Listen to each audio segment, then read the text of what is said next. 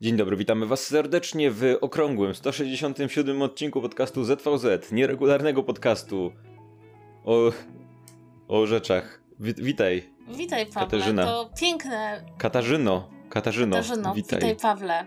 Słuchaj, to był piękny wstęp, tak. Jesteśmy nieregularnym podcastem o rzeczach. Wydaje mi się, że powinniśmy to, nie wiem, zrobić z tego taki tagline naszego podcastu. Słuchaj, na tym etapie to już jesteśmy, my jesteśmy już takimi zmęczonymi ludzi, ludźmi, zmęczonymi życiem, czekającym tylko na koniec świata. Już, już, już tak, to może już nie trzeba nagrywać, bo może już to już, może już będzie ta katastrofa klimatyczna, jakaś wojna nuklearna czy coś. No i tak sobie żyjemy, co jakiś czas coś się dzieje, więc wtedy przychodzimy do was pogadać, ale już mamy takie poczucie, że to już jest takie, wiesz, jak ostatnie dni w pracy już trochę, nie? Że już trzeba, trzeba coś tam jeszcze zrobić, że udawać, że coś robisz, no ale już, już trochę mniej regularnie może i tak dalej, no bo no bo właściwie to już jest, wiemy, że ten świat to już się kończy, już nie, już my też, już to, słuchajcie, 30 lat. Jak będziecie mieć 30 lat, zobaczycie, zobaczycie jak to już jest, już kości bolą człowieka, już dalej się już nie da. Słuchaj, znasz tą teorię? Ja nie, nie znam, znasz tą teorię? Ja nie znam nikogo, kto ma 40 ja lat też nie. albo więcej. I, I żyje jeszcze. Znasz tą teorię, że nie świat się skończył w 2012 roku, ale wiesz, teraz to są już tylko takie resztki i po prostu wszystkie złe rzeczy, które się o. dzieją, to są takie resztki tego świata. On się tak naprawdę skończył w 2012, tak jak powiedzieli Majowie, tylko nie było żadnego boom i końca, tylko teraz dogrywamy, wiesz, ostatnie wątki, wiesz, zamykamy ostatnie Ktoś drzwi. odłączył, wiesz, tak, reptilianie tam wyłączyli jakieś tam coś tam i teraz się to wszystko tak wygasa powoli, nie, więc i po prostu wszystko będzie miało coraz mniej energii, będzie coraz gorsze, w końcu ja jestem na przykład ostatnio coraz bardziej zmęczony, więc to może przez to właśnie, więc y, tak może być. Y, dobra, słuchajcie, dzisiaj mamy kilka rzeczy, mamy taki temat trochę większy o true crime, dlatego że co jakiś czas zadajecie nam pytania dotyczące true crime i tego, czy można, czy nie można, czy to moralne, niemoralne słuchać podcastów albo oglądać programy o ludziach, którzy robili złe rzeczy kiedyś. Mm, I wydaje mi się, że nasze zdania na ten temat są chyba nieco odmienne, jak, tak, jak, jak wydaje mi się, ale zobaczymy. A jednocześnie wydaje mi się, że temat o tyle stał się teraz świeży, że w ostatnim czasie na Netflixie pojawił się taki, yy, taki serial o Jeffrey Dahmerze, który sprawił, że na, że na przykład na Twitterze zaczęły się pojawiać zdjęcia ludzi, którzy przybierają swoje dzieciaki na Halloween na, za tego typa i generalnie typ staje się y, albo, albo nie wiem, make-upy y, w, w, na Instagramach y, osób tworzących make-upy inspirowane tą postacią, więc nagle się robi z tej postaci postać popkulturową, co dla wielu osób jest w momencie, w którym jakby rodziny ich ofiar żyją, tak, teraz, jakby to jest nadal dość świeże, tak, no ale też pojawiają się różne inne pytania wokół tego, więc wydaje mi się, że do tego przejdziemy, ale na razie, żeby jeszcze nie zaczynać od takiego ciężkiego tematu, pewnie nie będzie aż taki ciężki, ale, ale żeby nie zaczynać od takiego, to kilka rzeczy, które nadrobiliśmy ostatnio w kwestii popkultury i tak dalej, i tak dalej. Ja zobaczyłem film, obejrzałem Thora, yy, film Thor. Love and Thunder. Mi miłość, miłość, burza, gniew. Tak, miłość i grzmocenie, tak? Tak, obejrzałem ten film z dużym opóźnieniem, gdyż na, gdy wyszedł na Disney Plus. Mimo, że jakby Thor 3 był być może moim ulubionym filmem MCU i więc ale, ale jednocześnie na tyle się odzwyczaiłem do odchodzenia do kina, że jakoś tak był, potem minęło, cokolwiek. W końcu go nie zobaczyłem w kinie, zobaczyłem go na VOD, jak ostatnio bardzo wiele rzeczy i yy, jakby to jest jedyna chyba dobra rzecz. E, wiadomość to jest to, że zobaczyłem go na VOD i nie wydałem pieniędzy w kinie, bo jakbym wydał pieniądze w kinie, to bym się czuł bardzo źle po tym, że wydałem. A tak to nie czułem się aż tak źle, bo stwierdziłem, dobra, przynajmniej było za darmo. By nikt mi tego czasu nie zwróci, ale przynajmniej było za darmo.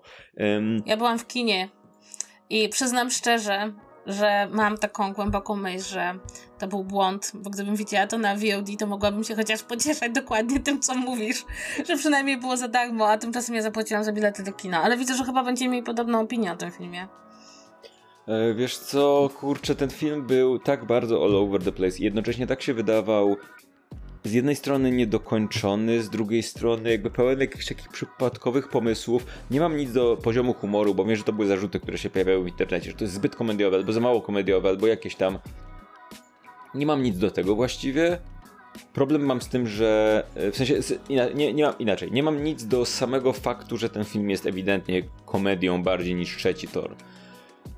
Ale jednocześnie wydaje mi się, że jest niezbyt wysokich lotów komedią i trochę za dużo tam jest powtarzania tych samych żartów. Dla mnie osobiście nie, nie, nie wydaje mi się, żeby to był obiektywnie problem. Rozumiem, że kogoś mogą bawić e, tego typu żarty. To, to jest bardzo subiektywne, tak? I na przykład e, tam jest ten żart z kozami, który, e, który był jednym z moich ulubionych akurat. Kozy są najlepsze. Wiem, że osoby, były, były osoby, które narzekały a jednocześnie było trochę takich żartów, które miałem takie, no, no okej, okay, no śmieszne, no tak, no, że tam coś tam, ale, ale jakby to, to nie jest problem. Mój największy problem był taki, że ten film się wydawał, w sensie na papierze widzę, o czym on jest i co on próbuje, jakby jakie wątki próbuje poruszać, jakby to jest w tytule właściwie tego filmu, tak czym jest miłość, jak można kochać, co to znaczy, czym jest, tak naprawdę, ale jednocześnie mam wrażenie, że on był tak powycinany, że na pewnym etapie, będziemy spoilerować w ogóle, jeżeli kogoś... Yy, to nie interesuje, to w sensie ma problem z tym, bo nie, nie widział jeszcze, chce zobaczyć, to skipujcie po prostu co kawałek i słuchajcie, czy mówimy o torze, jak, dalej, jak tak, to skipujcie dalej, bo nie chce nam się wpisywać timestampu.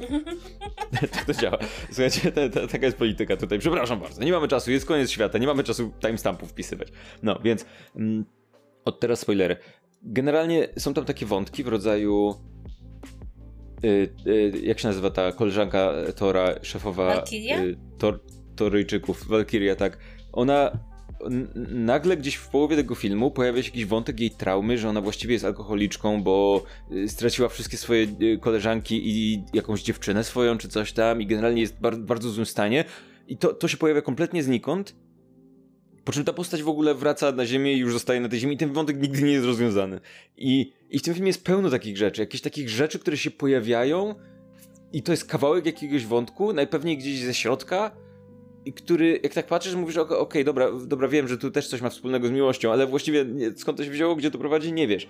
Zresztą do momentu, jest taka scena na łódce, kiedy bohaterowie się całują. Ja do tego momentu właściwie nie wiedziałem, czy ten film jest o tym, że oni się kochają, ale się rozstali, ale tak naprawdę powinni być ze sobą, czy ten film jest jednak o tym, że oni się rozstali i Thor musi się pogodzić z tym, że się rozstali i pójść dalej. Bo ten film tak niewyraźnie mówił, jaka jest właściwa relacja między nimi na tym etapie, że, że ja nie, nie wiedziałem, czy jakby równie dobrze to mógł być film, w którym e, Thor godzi się z tym, że czasem po prostu związki nie wychodzą i trzeba iść dalej. I to mogło być takie, wiesz, 500 Days of Summer w, w, w świecie Marvela. Też mogło być, bo na pewnym etapie jakby nie wiedziałem, jaka jest relacja między tymi ludźmi. I, i jakby ten film jest tak rwany, tak...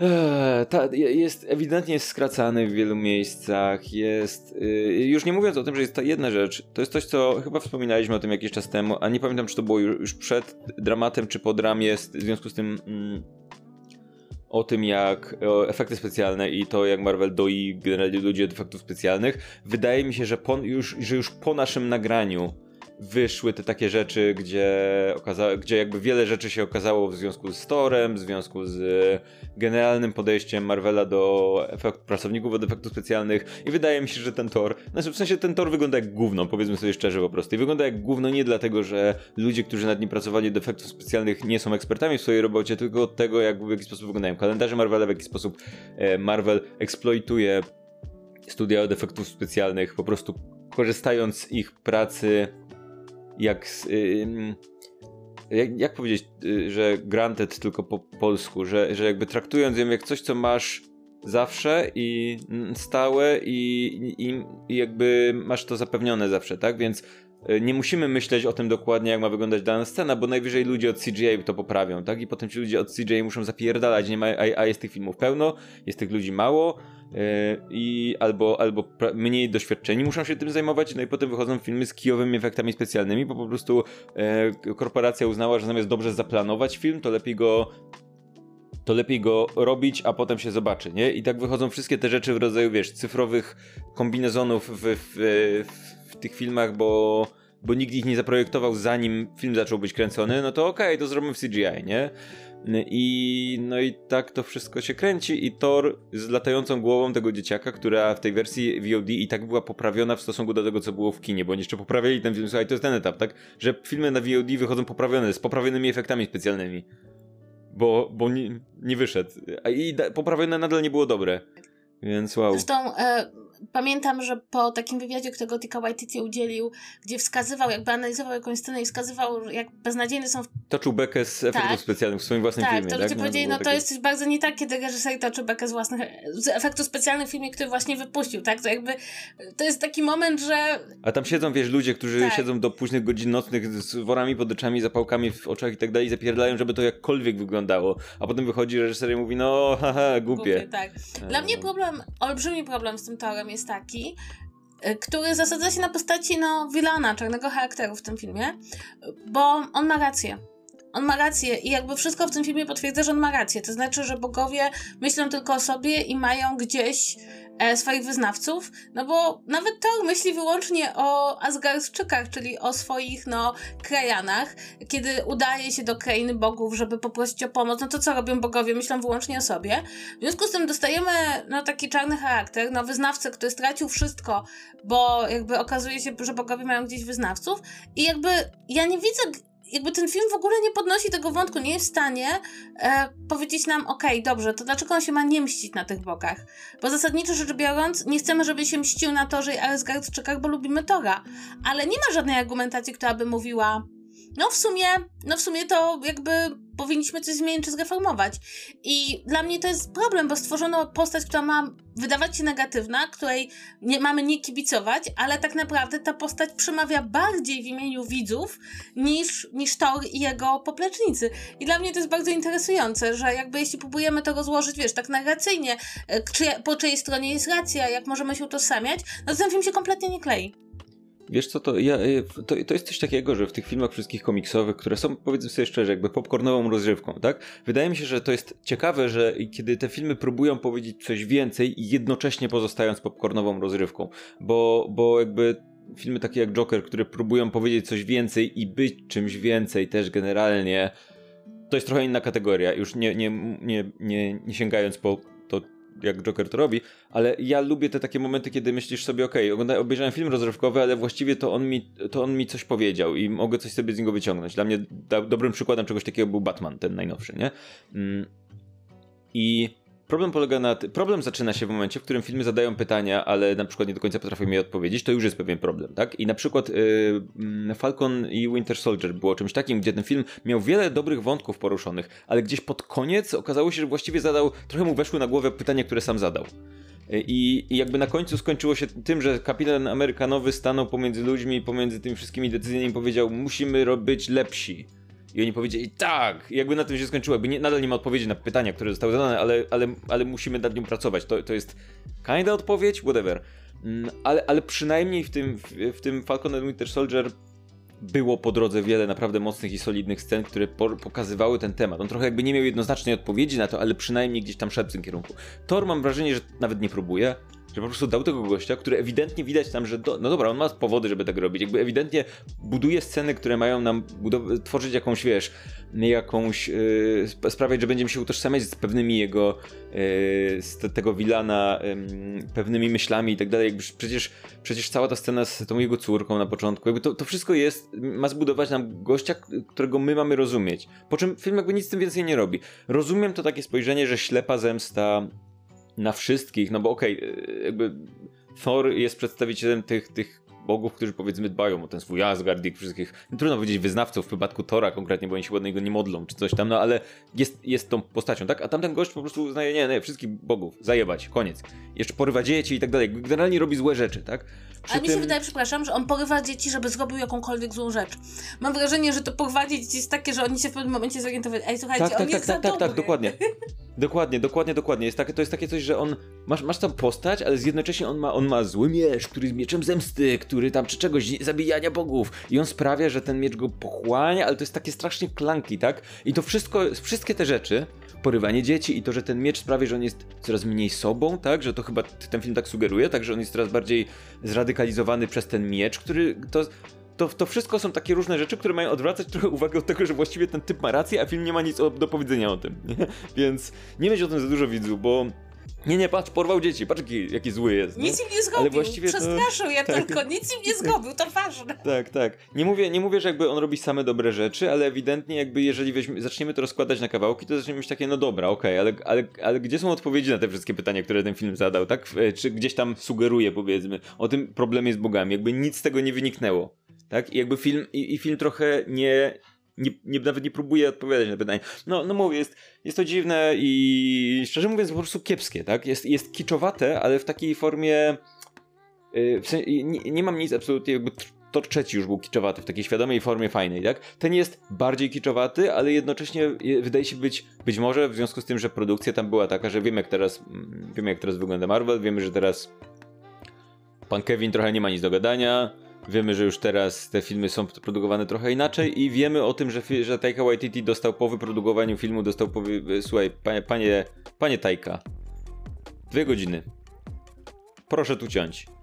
E, I film ma dwie godziny, godzinę 59 minut, czy coś takiego. I e, no i. E, to widać. I widać, że on był pocięty mocno, nie? Co niestety jest problematyczne w tym wypadku. Ja przyznam szczerze, że jeszcze mam jeden problem z jedną sceną, która ma być niesamowicie zabawna. To jest ta scena, kiedy Thor jakby przybywa do tych dzieci i mówi, że jesteście zgarczykami, teraz będziecie się bić. E, I ja mam takie, zawsze mam taki problem z uzbrajaniem dzieci. Jakby. Jezu, to było tak awkward. To jest to tak, tak awkward i tak creepy i tak. Też powiedzmy sobie szczerze, no, jakby. To, to nie jest zabawne i. Ja wiem, że Tika Waititi jakby stawał w obliczu tego tematu dziecka. Tak się nazywa Tajka, to jest jak, jak twoje nazwisko, tylko T na początku. Dobra, jakby to jest najprost... Dla ciebie powinno być najprostsze do przeczytania. Dobrze, więc Tajka e, jakby spotkał się z tym tematem, prawda, dziecko i wojna, tak, w Jojo Rabbit. I wydawać by się mogło, że powinien po zrobieniu takiego filmu rozumieć, że to mhm. nie jest aż taka zabawna mhm. rzecz. A tymczasem tutaj tak, tak. dostajemy tak. te mhm. dzieci na wojnie, ja miałam takie, mm, no niekoniecznie. To było takie, takie dziwne, bo to jakby było to takie zderzenie komediowego, tego ta dziewczynka z tym misiem i te wszystkie dzieciaki, które, no okej, okay, ale to nadal jest, nadal są jakieś niebezpieczne potwory, jakaś kurwa śmierć, jakieś takie kompletnie straszne rzeczy zderzone z tym, no nie wiem. Chociaż pamiętaj, że tutaj film uczy nas takiej rzeczy, że jednocześnie, że mm, przemoc to nie jest odpowiedź. Przemoc to pytanie, odpowiedź brzmi tak. Więc możemy to sobie z tego wyciągnąć ewentualnie. Um, ale po, poza tym, nie, nie wiem, jest. Nie wiem, nie wiem, nie wiem. Momentami miałem wrażenie, że oglądam jakiś w ogóle jakąś. Gdyby nie to, że pojawiali się tam faktycznie aktorzy, to miałem wrażenie momentami, że oglądam jakąś fanowską produkcję. Z tymi, te, te efekty specjalne, te niektóre żarty takie kompletnie przypadkowe. Nie wiem, jakieś. No generalnie nie bawiłem się za dobrze, szczerze mówiąc. No, więc. Ym, I także Thor. Y, dla mnie osobiście troszeczkę dobił y, przybił ostatnie gwoździe do trumny Marvela, który po prostu, no, no wiemy jak wygląda generalnie produkcja filmów Marvela po, czy produkcji też serialowych Marvela po MCU, po Endgame i no wiem, że ty się już za chwilę nie zgodzisz z tym, czy coś, ale w sensie ina, ina, inaczej. Wydaje mi się, że jedna produkcja, która komuś się podoba, czy nie podoba, jakby fajnie. Loki fajny, był fajny, WandaVision była do pewnego momentu naprawdę spoko. Hmm. Były też inne rzeczy. Falcon and Winter Soldier był naprawdę solidny, ale, ale jakby liczba tych rzeczy i generalny poziom sprawia, że na tym etapie ja straciłem kompletnie zainteresowanie. Czekam troszkę na, yy, na Holiday Special yy, Strażników Galaktyki, robiony przez, dyrek przez dyrektora DC. Nowego, świeżego. E, więc, więc, ale to już jakby zakładam, że to już jest końcówka współpracy, w sensie to i Strażnicy Galaktyki kolejni to będzie już końcówka współpracy Jamesa Gana z Marvelem, z Marvelem w związku z objęciem stan wysokiego stanowiska w, w konkurencji. W, tym, w konkurencyjnym tym. Um, więc, ale jakby to jest ostatnia rzecz, jeszcze patrzę na to i myślę tak, no tak, no James Gunn to, to może dostarczył. Chociaż z drugiej strony to samo myślałem o Taika Waititi, tak? Że myślałem takie, no nie, no, no to ten tor będzie fajny pewnie, nie? Po czym, no nie był, więc nie wiem, nie mam pojęcia jak to będzie wyglądać w kwestii, e, w kwestii Strażników Galaktyki, ale no. Yy, słuchaj, ale tak przechodząc już dalej, bo nie ma co o tym torze, poświęciłem więcej uwagi temu torowi już niż chciałem. Podobno E, aha, w ogóle temat, który się, który e, teraz będzie poruszony, to jest taki double temat troszeczkę, bo on jest, e, bo on jest, e, to będą dwie zupełnie różne rzeczy, ale chcemy oboje opowiedzieć o rzeczach, które nikomu się wokół nie podobają, a nam z jakiegoś powodu zaskoczyły nas i tak kliknęły i się spodobały. I... Um, ale to są dwie zupełnie różne rzeczy. I najlepsze jest to, że ob oboje nie znamy tej drugiej. W sensie, że ja nie znam, ja nie widziałem twojej, ty nie widziałaś mojej, i... ale, ale to jest taki theme, który nam teraz potoczy się przez resztę tego segmentu popkulturowego. Kasiu, co myślisz o Ona Hulk? Tak, obejrzałam Adwokat Ona Hulk, zwaną także Mecenas She-Hulk. I byłam zaskoczona. To znaczy, od razu chciałabym powiedzieć, że pierwszy odcinek tego serialu jest straszny. Jest wyjątkowo zły. Jest tak zły, że dziwię się, że obejrzałam drugi odcinek. Ale obejrzałam drugi odcinek i trzeci, i czwarty i w końcu wszystkie do końca. Czy obejrzałeś ostatni odcinek? Bo słuchaj, bo ja widziałem tylko fragmenty pierwszego odcinka i widziałem, widziałem y, ten, te, te, ważne fragmenty ostatniego odcinka i, i, i powiem ci, że tak. Po, powiem ci tak, żebym wiedział, y, jak się odnieść do tego, co mówisz. Co myślisz o ostatnim odcinku? Uważam, że ostatni odcinek zrobił coś, co powinien ten serial robić od samego początku, czyli wykorzystał to, że She-Hulk jest taką meta postacią, która łamie czwartą ścianę. I to mi się bardzo podobało. I bardzo mi się podobało, kiedy odcinek zaczął iść w kierunku no takich bardzo głupich rozwiązań fabularnych, takich bardzo Marvelowych rozwiązań fabularnych. I bohaterka się wkurzyła i po prostu wyszła z serialu pogadać z Marvelem? No bo ja, bo ja miałem straszny, widziałem te sceny, tylko ja miałem, byłem strasznie, strasznie skrinżowany tym. Mnie nie cringe'uje przełamywanie czwartej ściany i takie rzeczy. Jakby ja to bardzo lubię, wiem, że część ludzi tego w ogóle nie łapie i nie lubi, ja to uwielbiam. Natomiast ten, ta rozmowa z maszyną Kevin, e, która jakby tutaj pokazuje, że oni nawet sami zdają sobie sprawę, że robią filmy maszynowo, co jakby śmianie się z siebie to nie jest odpowiedź. To jest taki moment, kiedy mm, no bo przy, w przypadku She-Hulk był olbrzymie, było olbrzymie narzekanie na poziom efektów specjalnych.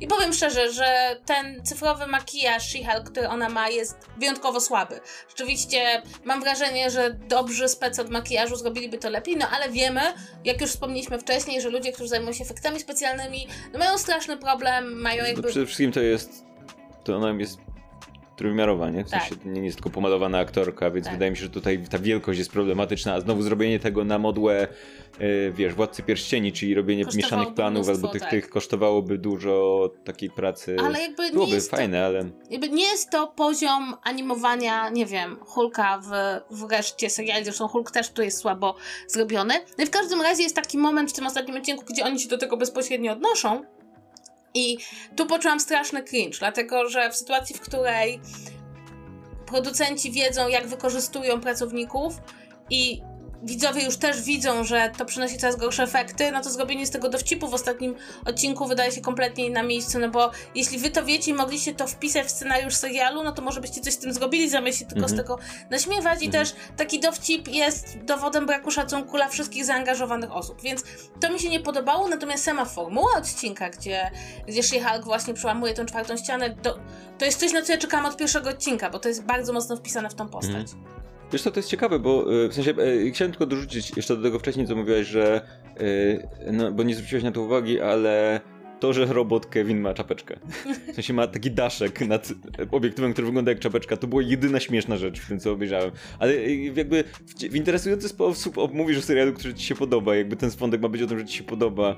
Tak. Bo generalnie odebrałem to tak, że jakby to, jak o tym odpowiadasz, brzmi jakbyś próbowała powiedzieć, przynajmniej w tym ostatnim odcinku, że sama koncepcja yy, jakby przy, przebicia czwartej ściany jest ok, ale jej realizacja była w tym wypadku. To znaczy nie, ja mam problem. Ja mam problem z tym konkretnym dowcipem, tak?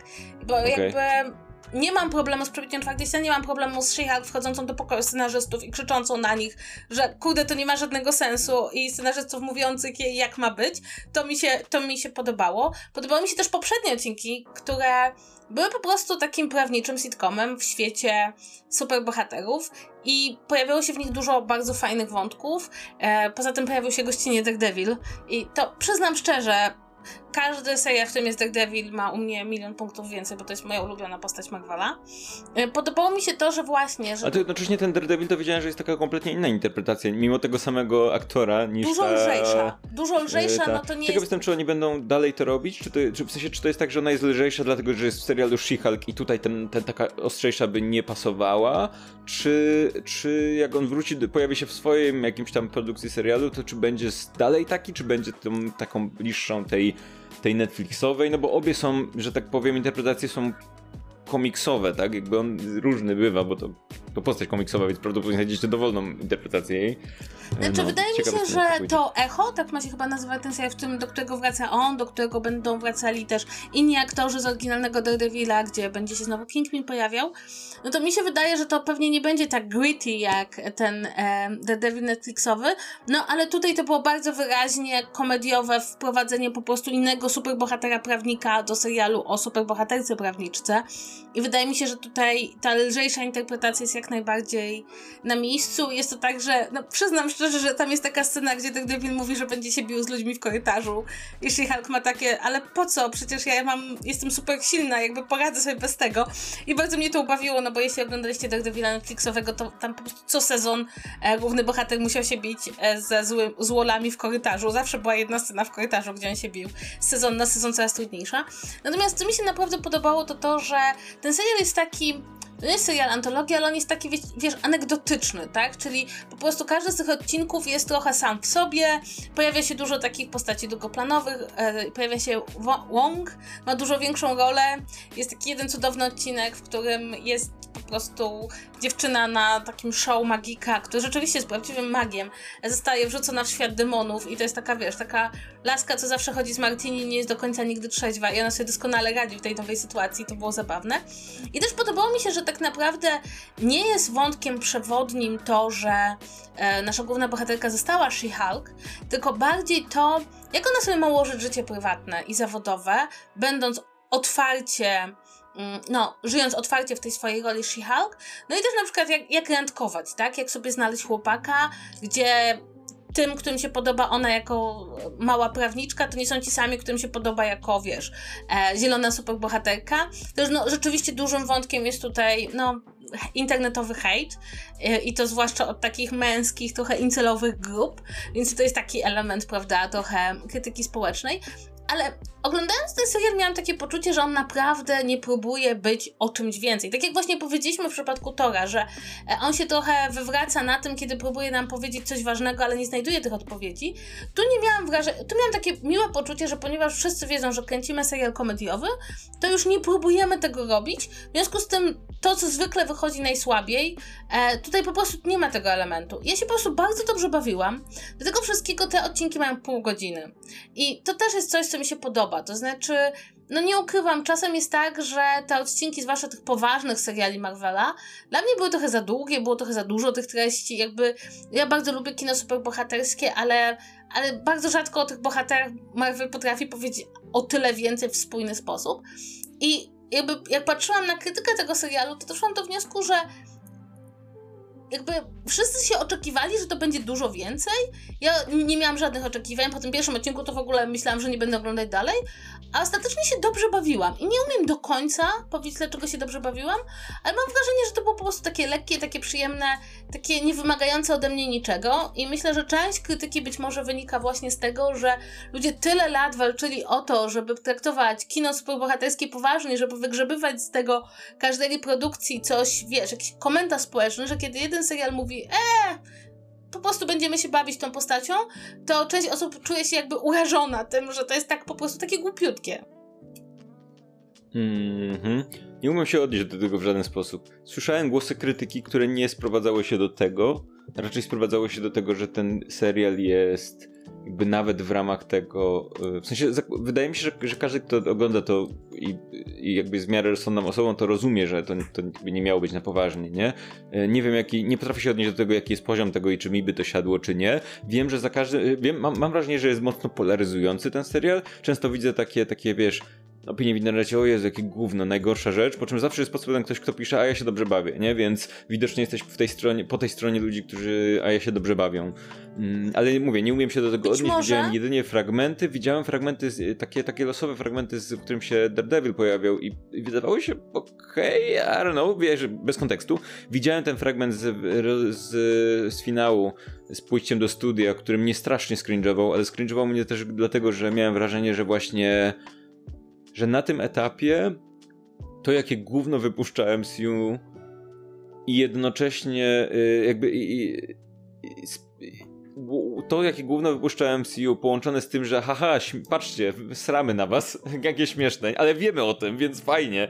Jakby, y, jakby czułem się na tyle skrinżowany tym jakby robieniem żartów z tego, czy też z tego wyciskanie biednych ludzi od efektów specjalnych, że jakby być może gdyby to inaczej, to by dużo lepiej siadło, może nie dokładnie, wiesz, nie, nie słowo w słowo, ale dużo lepiej by siadł ten koncept, gdyby to był, wiesz, dobry moment MCU, tak? Gdyby to było tak, że wszyscy się zachwycają i nagle MCU, z wnętrza MCU śmieje się ze swoich pewnych tropów, ale jednocześnie wszyscy się dobrze bawimy, tak? Ale, a tu było jakby zupełnie inny kontekst się pojawia w momencie, w którym wszystko jest słabe wychodzi i takie ewidentnie wyciskanie, pojawia się takie ewidentnie wyciskanie po prostu każdej kropelki i każdej kasy, którą można z tego wyciągnąć i jednocześnie toczenie beki z tego, to już zaczyna być dla mnie zbyt bezczelne troszeczkę, nie? Więc, ale to mówię, to, jest, to są rzeczy, które widziałem bez kontekstu, więc trudno mi się odnieść e, i może napiszcie nam, komentarze są na Facebooku wasze, napiszcie, czy wam się podobał e, e, She-Hulk, może będziemy się kłócić do internet, więc Ja też trzeba. mam taką myśl ostatnią, Mhm. że ponieważ to jest serial taki czysto To jest komediowy, twoja ostatnia myśl już, Ostatnia, tak w ogóle. więcej już potem komuki miałam.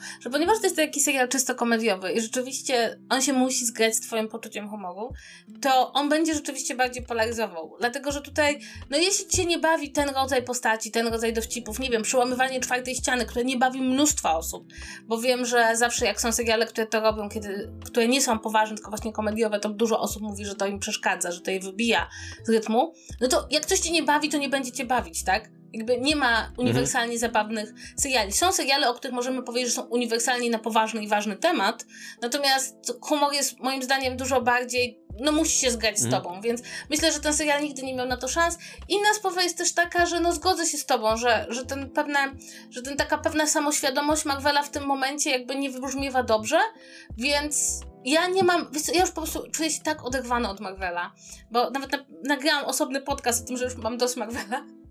To jest- Czuję się tak o- oderwana od Słuchaj, tego. czy to jest osobny odcinek jakiś, jakiegoś twojego podcastu, czy to jest osobny podcast już kompletnie, po prostu zrobiłaś nową produkcję. nie, Mam kurwa dość Marvela. Ej, ej, to jest dobry pomysł na podcast. No. Mam dość Marvela. I to, i to jest, ej, słuchaj, to Całość. jest naprawdę dobre. Mam, Całość, masz, tak. Mamy tytuł No. i to jest po prostu podcast, c- masz odcinki, w których narzekasz po prostu na Marvela. Na, zawsze. To jest zawsze po prostu narzekanie, mam dość Marvela. Oglądasz wszystko dalej, nie? Ale mam dość Marvela. No to jest... To by miało olbrzymią słuchalność. Nie zrobiłam odcinek o tym i myślę, że właśnie, że być może dlatego się też dobrze bawiłam, że już się czuję tylko tak odseparowana.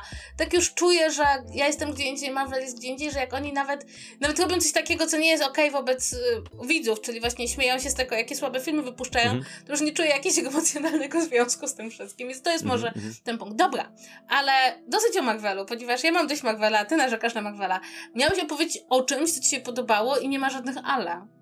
Tak, e, nie, to nie do końca tak. Wiesz, mam, ja mam, ale mam taki dziwny, taki dziwny vibe, taką dziwną sytuację ostatnio, e, o, którą chciałem się podzielić, bo to w sumie jest ciekawe. Jestem ciekaw, czy, em, al, czy ty masz jakieś przykłady, gdzie się możesz do tego odnieść, albo czy osoby, które nas słuchają, mogą w komentarzach coś napisać. Mm.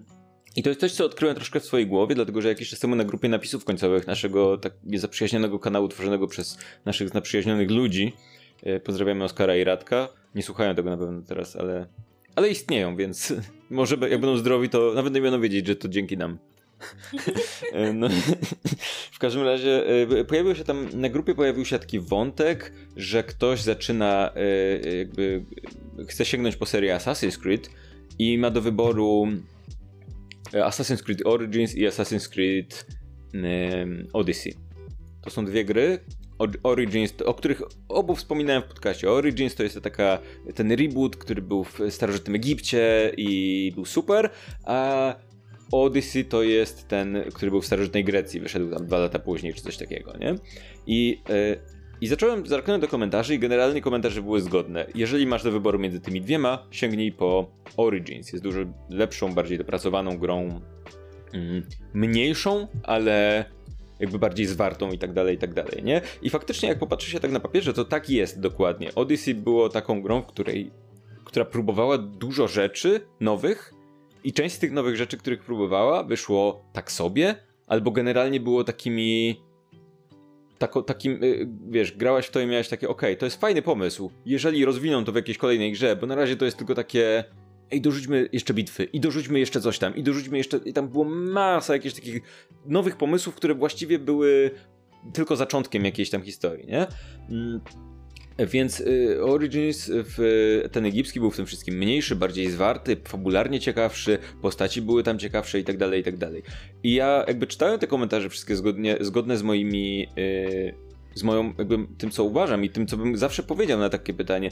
I w trakcie czytania tych komentarzy zaczęło do mnie docierać, że w mojej głowie pojawia się silna potrzeba bronienia Odyssey jako gry.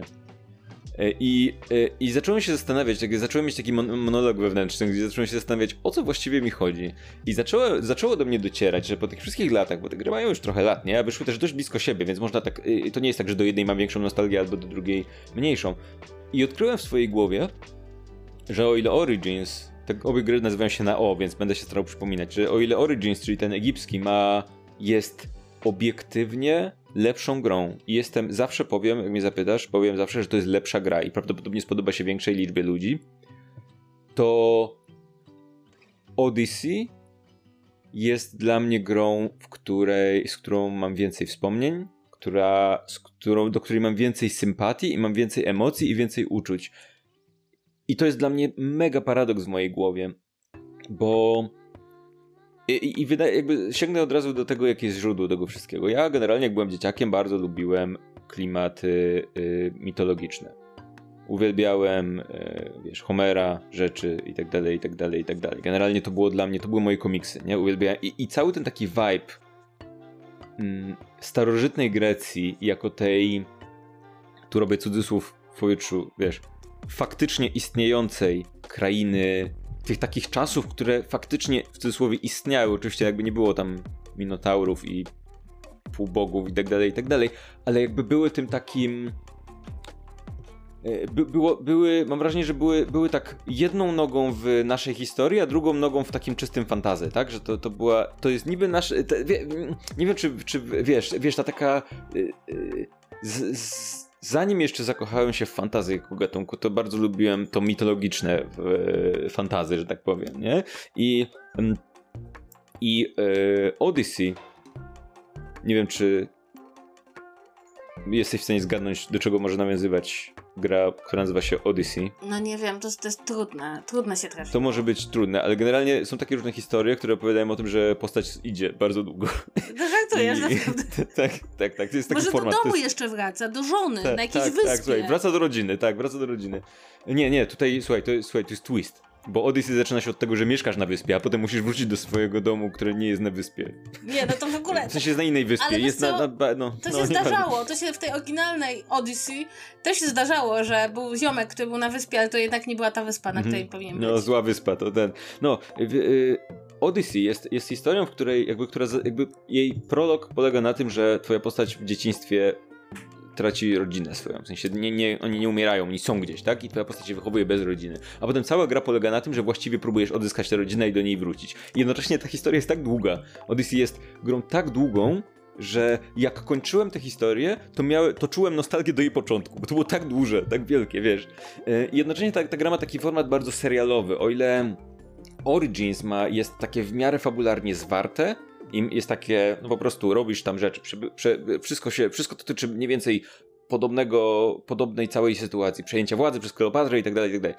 I e, to, to Odyssey jest tam taką, tam w tle jest tam wojna pomiędzy y, Spartą a Atenami i, i to jakby tam jest to tło historyczne, ale generalnie w tej grze w trakcie tej twojej podróży ta, ta, ta, postać się strasznie nie spieszy, ale to też jest klasyka tego, jakby ona tak, ty nie jest tak, że idziesz do celu, po prostu co chwila coś odwraca twoją uwagę i co chwila tutaj trzeba coś, jakieś, tu jakiś minotaur, tu coś tam, tu jakieś potwory, tu trzeba komuś pomóc, tu wracasz jednak na początku z powrotem do swoją wyspę, potem idziesz dalej, wiesz, jak seriale, jak, jak ten, jak seriale CW, nie? Totalnie, jakby już trze to trzeci raz, kiedy wracam na wyspę, um, więc...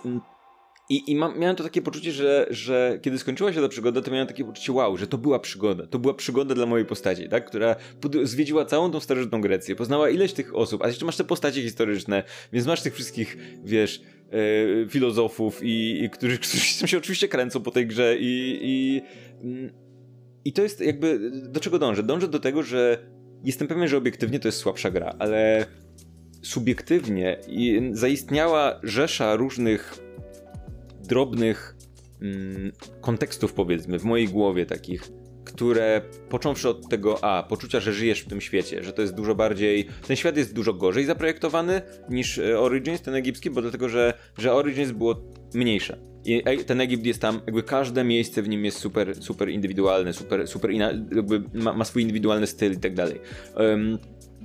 Odyssey jest większe, więc trochę jest tak, że trafiasz do trochę bliźniaczych momentami greckich miast i one są do siebie w miarę zbliżone, nie? Mm, ale jednocześnie miałem dużo więcej poczucia, że, Ori że Odyssey jest grą, w której dane mi było żyć długo w tej starożytnej Grecji i przeżywać tam faktyczne przygody, co sprawia, że na koniec mam takie no dobra, no to Origins jest lepszą grą, ale mam dużo więcej wspomnień i dużo więcej takich ciepłych uczuć i takich momentów, które pamiętam yy, tak emocjonalnie z, z Odyssey. I jakby mój wniosek z tego wszystkiego, który jakby sam wtedy odkryłem w swojej własnej głowie, jest taki, że czasem tak bywa, że czasem tak bywa, że, że rzeczy, które są obiektywnie lepsze, nie, nie ma to dużego znaczenia, jeżeli coś cię akurat subiektywnie yy, skoczy. Stąd, stąd e, jakby przypasuje, nie? Stąd, stąd myślałem też o tej She-Hulk na zasadzie, no zakładam, że gdybyś miała ten, nie wiem, jakość pisania tego serialu, czy, czy coś tam, umieścić gdzieś tam sta starać się ocenić w miarę obiektywnie, umieścić w jakimś tam rankingu seriali, nie wiem, MCU czy czegokolwiek, no to pewnie on nie byłby jakoś tam super wysoko, ale czasem jest coś takiego, że po prostu sprawia, że coś ci się akurat, jesteś w takim momencie w życiu, albo jesteś taką osobą, albo cokolwiek takiego, y, co sprawia, że że nagle, y, wiesz, coś ci pasuje bardziej niż twój mózg wydaje ci się podpowiadać, że powinno. I jednocześnie wydaje mi się, że to jest rzecz, którą warto rozdzielić od siebie, bo ja teraz wiesz, nie będę biegał po internecie i krzyczał dla ludzi, że Origins jest gorsze i słabe, a Odyssey lepsza gra, nie? Tylko, bo, bo, jakby ja wiem skąd to się bierze u mnie i mam na tyle jakby samoświadomości i takiej wewnętrznej analizy, żeby wiedzieć skąd to się bierze y, i, i wydaje mi się, że to jest coś, co warto rozdzielić, ale jednocześnie warto to zaakceptować, że czasem to, że internet uważa, że jakaś rzecz jest obiektywnie lepsza, albo nawet ty sam, sama, samo uważasz, że jakaś rzecz jest obiektywnie lepsza, to nie sprawia, że nie możesz po prostu bardziej lubić tej innej, bo tak. Bo Ale taką akurat jesteś osobą. Ja nie? się bardzo zgadzam. Mam wrażenie, że to jest jeden z problemów w ogóle w rozmowie o popkulturze, w ogóle o kulturze jakiej, jako takiej, że to, co powiedziałeś, nie, że to ci się jakoś też życiem zgrywa. No są takie rzeczy, które oglądamy w jakimś momencie, albo okazują się w pewnym momencie dla nas ważne, albo po prostu mieliśmy jakiś miły moment życia, czy ważny dla nas. I to się z tym zgrywa i przez to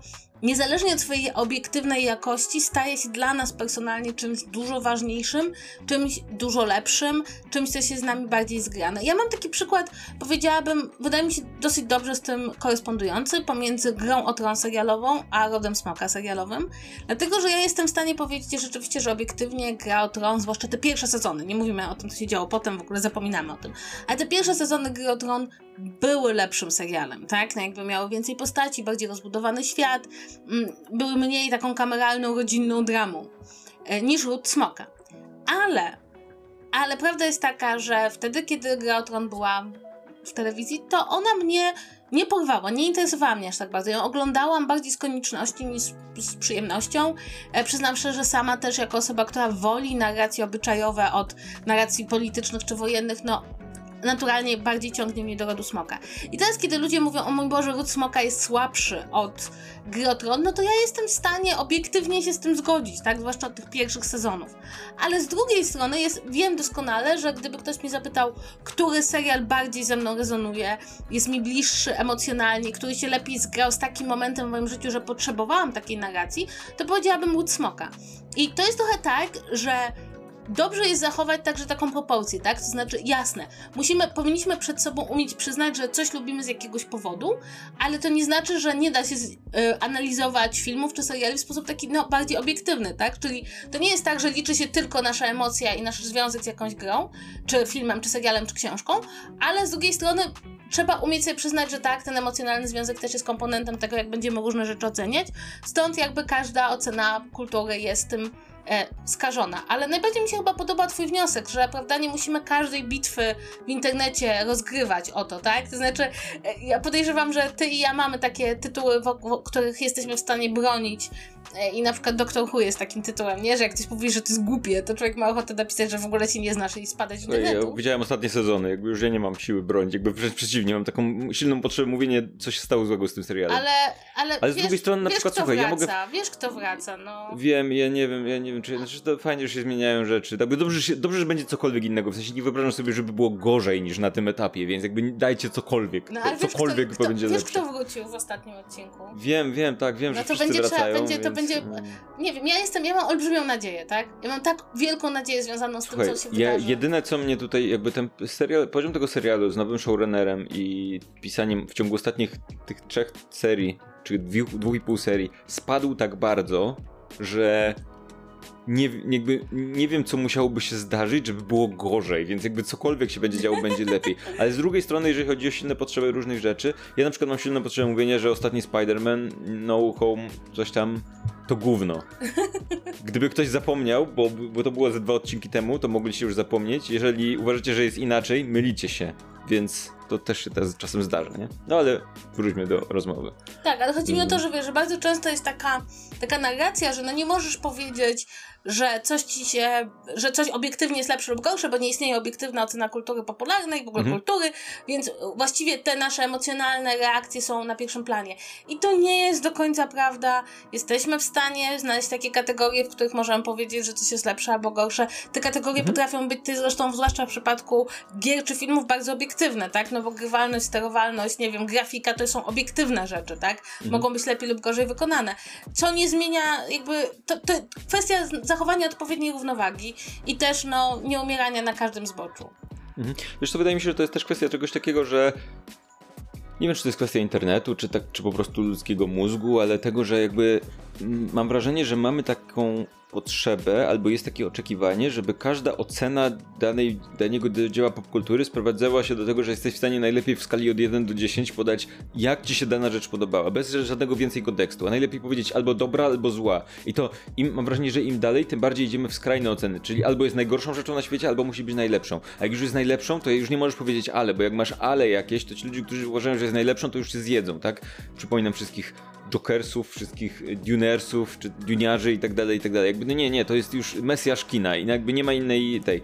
Y, I, i, y, i mam wrażenie, że, że niezależnie czy to byłoby skrajne, czy nie, to oceny dzieł popkultury nie da się sprowadzić do takiej jednej prostej informacji, bo tam jest za dużo kontekstu, tak? To, że ci się coś podobało, jakby, wiesz, rzeczy w rodzaju Rotten Tomatoes, tak? To są, to są fajne narzędzia w, w kwestii na przykład analizowania tego, jaki jest generalny odbiór danego filmu wśród krytyków i jak to może wpłynąć na jego wynik finansowy i albo jak sugeruje jakość tego filmu, ale koniec końców to to jest tylko dana statystyczna na temat rzeczy, y, jakby dane statystyczne trzeba odczy umieć odczytać, tak? Trzeba umieć umieścić w jakimś kontekście, zrozumieć na czym polegają, jakby jaki jest powód tego, że dana rzecz występuje, a nie tylko po prostu wziąć rzecz i powiedzieć, o zobaczcie, liczba, brawo, wszyscy biją brawo w tym momencie, nie?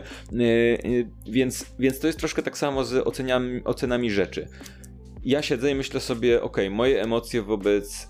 Jakimś cudem, moje emocje wobec gry, która jest. Jeżeli weźmiesz takie rzeczy pod uwagę, jak nie wiem, jakość pisania, jakość takiego czystego wykonania, no to powiedziałbym, że Origins jest dużo bardziej dopracowane. Ale jednocześnie w mojej głowie się pojawia że, że mam cieplejsze uczucie do Odyssey. Do obu mam cudowne, obie, obie są świetne, tak? Ale jednocześnie mam trochę cieplejszych uczuć do do Odyssey. I, ale w mojej głowie jednocześnie pojawia się takie coś, dlaczego, jaki jest kontekst tego i mogę ci to opisać. Nie, da, nie, nie jestem w, tego, w stanie tego powiedzieć, wiesz, sprowadzić do powiedzenia o, Origins 8 na 10, a Odyssey 9 na 10 albo coś takiego. Jakby nie, nie, nie, nie daje tego kontekstu, który jest ważny w tym wypadku, nie? Więc wydaje mi się, że warto czasem po prostu przedstawić ten kontekst i dyskutując w internecie, jakby nie dyskutować tylko o, o to jest najlepsze. Nie, nie jest najlepsze, tylko jakby o konkretnych elementach, to jakby dużo więcej wnosi. No, no ale Więc, wiesz co, no. ale fajnie, że próbowałeś to ten Tomatoes, bo teraz mi się przypomniało.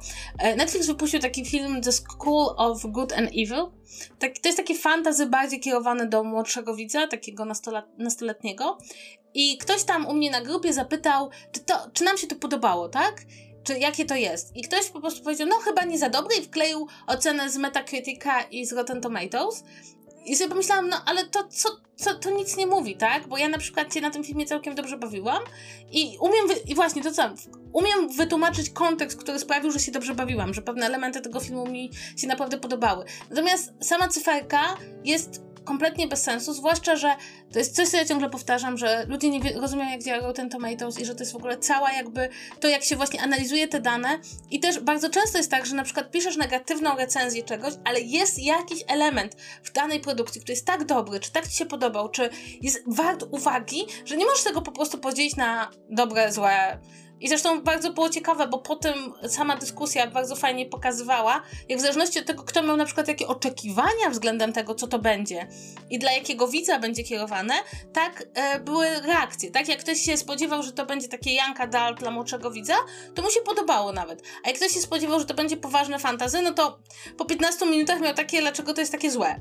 Więc to też jest bardzo ważny komponent, tak? Czego się spodziewamy po danym filmie, serialu czy jakimkolwiek dziele kultury. No to jest też to, to coś, co poruszyliśmy przy okazji Matrixa, nie? Tego najnowszego, że no warto ocenić film za to, czym jest, a nie za to, czym myśleliśmy, że może być, albo co byśmy chcieli dostać, nie? W sensie, jeżeli jakaś rzecz ewidentnie nie jest tym, czego, czego oczekiwaliśmy, to nadal zasługuje na ocenę jako to, czym jest, bo, bo, bo nikt nie ma obowiązku robić rzeczy takich, żeby, jak my sobie wyobrażamy, że będzie, tak? Więc, no ale to długa historia. Matrix to też jest taka rzecz, tak. Ostatni Matrix zajebisty po prostu. Jeżeli uważacie inaczej, mylicie się jakby po raz kolejny. To się zdarza, nie przejmujcie się. Nawet wy nie jesteście doskonali. No, e, dobra. Czy to jest tyle, jeżeli chodzi o nasze tematy popkulturowe i możemy przejść do tematów też kinda popkulturowych, czyli... Um, morderstw. Tak, to wszystko. To jest w ogóle bardzo fajne, bośmy zaplanowali, że to będzie taki wstępniak. 25 mhm. minut pogadamy, a potem no, zajmiemy teraz nagrywamy raz na pół roku, więc. więc Ale mamy, mamy po prostu, musimy się mhm. nagadać. Mhm. Tak, mhm. chcemy pogadać o True Crime, bo rzeczywiście ten ostatni serial Netflixa jest dosyć specyficzny, tak mi się wydaje. Bo oczywiście jest dużo podcastów, w ogóle jakbyśmy mieli śledzić historię True Crime w Stanach Zjednoczonych, no to prawda, to jest to e, z zimną krwią ten reportaż, książka Trumana Capote o, o tym morderstwie rodziny dokonanym przez dwóch morderców, gdzie on przez kilka lat z nimi rozmawiał i napisał książkę, która była taką, takim przełomem, ponieważ trochę zamazywała granice między reportażem a narracją taką literacką. Zresztą bardzo to jest ciekawa historia opowiadana i w filmach, i, i w innych książkach. W każdym razie jakby to to, ten gatunek ma bardzo długą historię. To, o czym my mówimy, czyli ta nowa fala true crime, zaczęła się mniej więcej na początku, w połowie lat dziesiątych, lat dwutysięcznych. Był taki podcast Serial, który opowiadał był podcastem śledczym, opowiadał właśnie o rozwiązanych sprawach, ale takich, w których na przykład jest dużo wątpliwości, zwłaszcza co do osoby skazanej. Zresztą ten pierwszy sezon serial ma bardzo ciekawą puentę, bo dosłownie we wrześniu tego roku, czy w sierpniu, em, mężczyzna, który został skazany za morderstwo z tego pierwszego sezonu został ułaskawiony, bo dzięki temu pierwszemu podcastowi śledczemu okazało się, że po prostu było mnóstwo błędów w śledztwie, było mnóstwo uprzedzeń, więc jakby mamy tutaj dowód na to, że takie śledcze true crime potrafi realnie wpłynąć na rzeczywistość. Natomiast w ostatnich latach, no to się niesamowicie rozkręciło, tych podcastów powstało bardzo dużo, no i zaczęło powstawać bardzo dużo ekranizacji i filmów o mordercach i morderstwach. I dlaczego akurat ten ostatni o Jeffrey'u Damerze e, z Netflixa wzbudził takie kontrowersje? Bo są tutaj dwie ważne sprawy. Po pierwsze, bliscy osób, które zginęły, dosyć wyraźnie powiedziały, że no nie czują się dobrze z tym serialem, nie czują się dobrze przeżywając jeszcze raz całą tą traumę związaną z utratą bliskich. No to jest na tyle, na tyle blisko czasowo wydarzyły się te wydarzenia, że, że jeszcze no, osoby bliskie, prawda, rodziny absolutnie żyją, zwłaszcza, że wielu z tych chłopaków, których zamordował ten morderca, było bardzo młodych, więc jakby tutaj to też się zgrywa, że to czasowo jest jeszcze bliżej. No a druga sprawa, no to to jest tak, że mamy tu kolejne nazwisko seryjnego mordercy, który zaczyna, no, po, po Tedzie Bandym na przykład, które staje się elementem popkultury, to co ty wspomniałeś, prawda, idzie Halloween, ja już widziałam na Twitterze takie po prostu tweety mówiąc, ej, nie przebierajcie się za niego na Halloween, to znaczy, że ludziom przychodzi to do głowy, ty mi podesłałeś screen kogoś, kto zrobił... To już były zdjęcia dzieciaków przebranych tak. za tak. kamera, więc troszkę... Więc, no. więc jakby i, i pojawia się to pytanie nie tylko w kwestii e, no takiej moralności czy niemoralności, ale także w kwestii no, czystego rozmyślania o tym, jak to się zbiega z tym, że bardzo wielu seryjnych morderców chciało być sławnymi. I zależało im na rozgłosie, i zależało im na tym, żeby zostać w pamięci. I do jakiego stopnia my teraz, jakby opowiadając sobie te straszne historie, tutaj nawias robimy, czy cudzysłów, e, spełniamy ich to życzenie, tak? Że oto chcieli jakby odcisnąć się w naszej pamięci i my to właściwie potwierdzamy. No i to otwiera jakby tą, tą dyskusję, która pojawia się co pewien czas. Wydaje mi się, że ostatnim razem pojawiła się, kiedy na Netflixie pojawiły się taśmy Teda Bandiego, tak mi się wydaje. I wtedy był taki wielki szał na Teda Bandiego ponownie, bo to jakby jeden z tych najpopularniejszych seryjnych morderców. Do jakiego stopnia możemy czerpać no, rozrywkową przyjemność, czy wykorzystywać, no jednak mimo wszystko do rozrywki, bo te seriale są rozrywkowe, no realną śmierć i realne morderstwa. I ja powiem szczerze, że ja mając w pamięci to, co zrobiły te podcasty śledcze, nie mam jednoznacznej odpowiedzi. Nie umiem tego jakoś sobie tak, wiesz, przyszpilić na zasadzie okej, okay, to jest złe albo to jest dobre. Rzecz, która chyba najbardziej do mnie przemawia, żeby mówić o tym, że to jest nie okej, okay, to niekoniecznie jest to, że opowiadamy o mordercach, tylko to, że ktoś na tym zarabia pieniądze. I to mnie najbardziej boli, nie? Że ten Netflix, on zarabia kasę, i jak śledzimy, skąd bierze się ta kasa, no to w ostatecznym rozrachunku bierze się z tego, że ktoś kogoś zabił.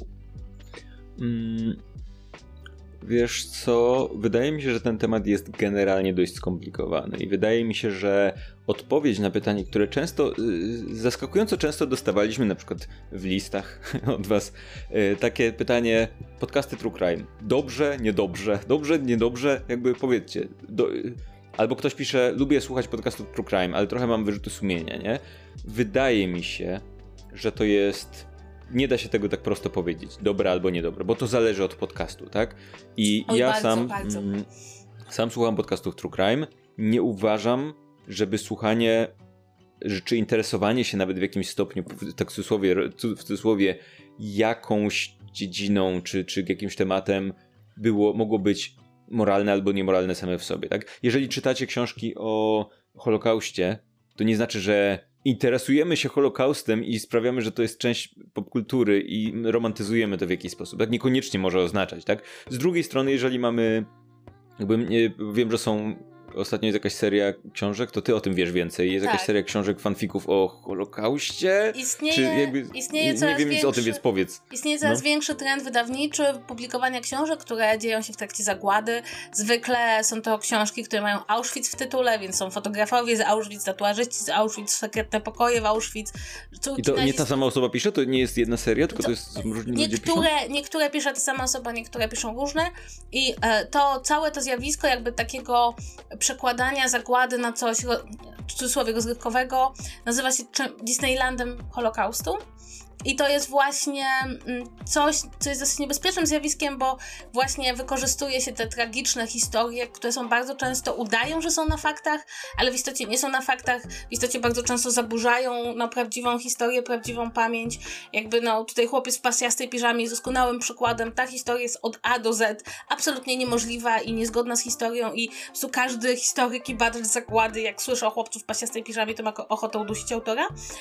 I to jest, uważa się, że to jest zjawisko dosyć niebezpieczne, bo ono nas odsuwa od prawdy historycznej, a jednocześnie pojawia się ten argument, że no, robimy z ludobójstwa jednego z największych ludobójstw w historii ludzkości, z olbrzymiej traumy, y, no, no ludzi, no i nie tylko Żydów, ale także Polaków przecież, bo też byli, jakby byli częścią zagłady.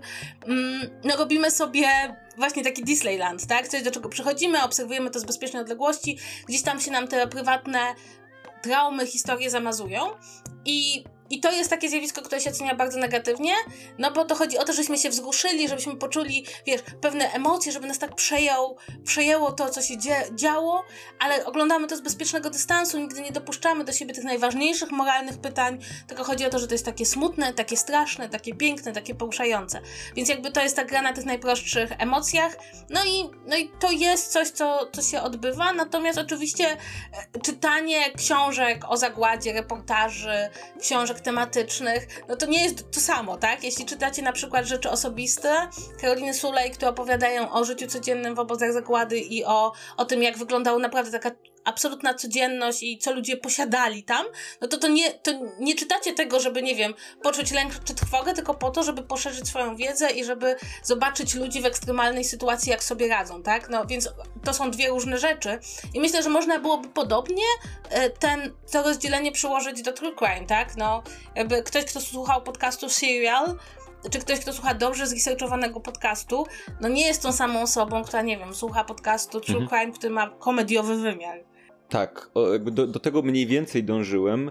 Jestem też pewien, że jeżeli byśmy przeszukali Wattpada, a nie chcemy tego robić prawdopodobnie, nie. to znaleźlibyśmy jakieś, jakieś roman, na, naprawdę konkretne erotyczne fanfiki o obozie koncentracyjnym. No, na 100%. To, to na 100% ma... byśmy znaleźli coś takiego, tak? Więc jakby do czego dążę? Dążę do tego, że ciężko bez kontekstu wrzucić wszystko do jednego wora. Nie, nie, i, i dla mnie w ogóle temat, te, takie coś, interesowanie się true crime albo interesowanie się to, to określenie samo w sobie jest dziwne, w sensie słucham podca- ja osobiście słucham podcastów o true crime między innymi, ale nie powiedziałbym, że się tym interesuję, także to jest w gronie moich zainteresowań tak typowo, że chociaż powiem ci, że z drugiej strony, jak czasem zaglądam na jakieś grupy związane z tymi podcastami, to momentami czuję, mam takie momenty, kiedy odczuwam cringe, że tak powiem, kiedy widzę właśnie takie, że część z tych ludzi to są ludzie, którzy ewidentnie po prostu jak widzą w seryjny morderca, to mają, o fajne, dam lajka, bo, bo to jest ewidentnie coś, że ktoś z tego robi jakiegoś rodzaju hobby, nie?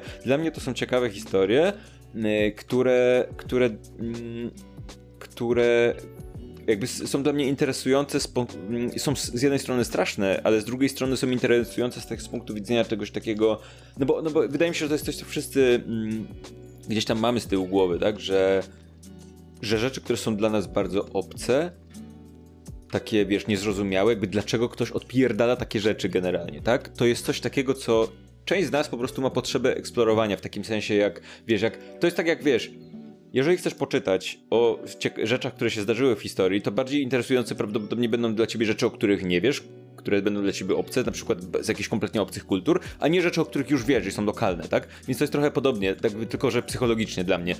Interesujące jest dla mnie dla mnie poznanie kontekstu tego typu wydarzeń, dlatego że to jest dla mnie tak obce, tak? Co, co jest, gdzie w stanie, jest w stanie doprowadzić e, gdzieś tam chory umysł człowieka, nie? Czy coś takiego. To jest, co, to jest, to jest, co, co nie jest, co jest dla mnie interesujące, ale nie jest to dla mnie fajne, że tak powiem, nie? Przy tym jednocześnie w tym wszystkim em, jest na przykład taki podcast, o którym kiedyś już chyba wspominałem u nas, nazywa się Last Podcast on the Left, który jest świetnie zresearchowanym humorystycznym podcastem o true crime. On wprawdzie częściej sięga po znacznie starsze sprawy e, i i, yy, I też często sięga. To jest w ogóle, to jest, to jest mieszanka, bo to jest podcast, który ja bardzo lubię i w ogóle poleciła mi go Megu, więc Megu też go lubi i chyba Krzysiek też. Yy, więc, yy, więc to jest jakby blisko. Generalnie jest to dobrze oceniany podcast, powiedzmy, tak? Ale to jest podcast, który na przykład y, ma, ma powiedzmy, świetnie zresearchowany odcinek o, Sherlock, o Jezu, chciałem powiedzieć Sherlocku Holmesie, o H.H. Holmesie, Holmesie albo o Kubie Rozpruwaczu, co swoją drogą też, swoją, to też jest interesujące. Do Kuby Rozpruwacza jeszcze wrócimy i tego, jak on stał się elementem popkultury, mimo że też był seryjnym mordercą. I ale jednak jest dzisiaj elementem popkultury, totalnie postacią fantazy właściwie, nie? E, ale do tego wrócimy jeszcze. E, I to jest podcast, który bardzo jakby składa się z masy żartów. Przy tym te żarty zwykle są. To, to jest niesamowite, jak one jednocześnie są przegięte i takie bardzo obrazoburcze, ale z drugiej strony trzymają się z daleka pewnych rzeczy. W sensie tam jest dużo czarnego humoru, ale zwykle on sprowadza się do wyśmiewania tej osoby, która jest tym mordercą, a nie na przykład wyśmiewania ofiar co wydaje mi się w tym kontekście nadal znaczące w jakimś tam stopniu. To nadal jest podcast, który pewnie część osób odrzuci, odrzuci ze względu na to, że ile tam jest żartów. Ale i tak uważam, że ważne jest to, że to są żarty z czasów, w których te postaci żyły, albo z tych konkretnych morderców, albo z jakichś absurdalnych sytuacji, które były obok, a nie jest to na przykład, nie wiem, żarty z ofiar, albo... A jednocześnie to dla mnie ważne jest to, że to jest potężnie zresearchowane. Bo dla mnie Większym problemem jest ignorancja względem researchu, niż to, że się zrobi żart w podcaście True Crime, zwłaszcza opowiadając o sprawie sprzed setki lat, nie? Czy coś tam. Więc to generalnie wszystko jest bardzo nie ma jednoznacznej odpowiedzi, tak? E, czy dobre, złe, czy coś tam. To wszystko zależy od konkretnego kontekstu, tego dlaczego czegoś słuchacie, po co i czego, i jakie to jest jakości. I e, ja, ja na przykład osobiście nie lubię podcastów, które na przykład robią, które generalnie z rzeczy, które się naprawdę wydarzyły i wydarzyły się w miarę niedawno, robią powieść przy ognisku, która musi być taka, wiesz, podkręcona, w tle jakaś muzyka taka i, i, i gdzie, gdzie generalnie robisz z tych tragedii, które często, zwłaszcza jeżeli oni są takie w miarę niedawne, to robisz z nich coś, co ma być takie, wiesz, thrilling, nie? Takie masz, uuu, poczuć, wiesz. To, to jest coś, co wywołuje u mnie dużo, dużą niechęć, nie?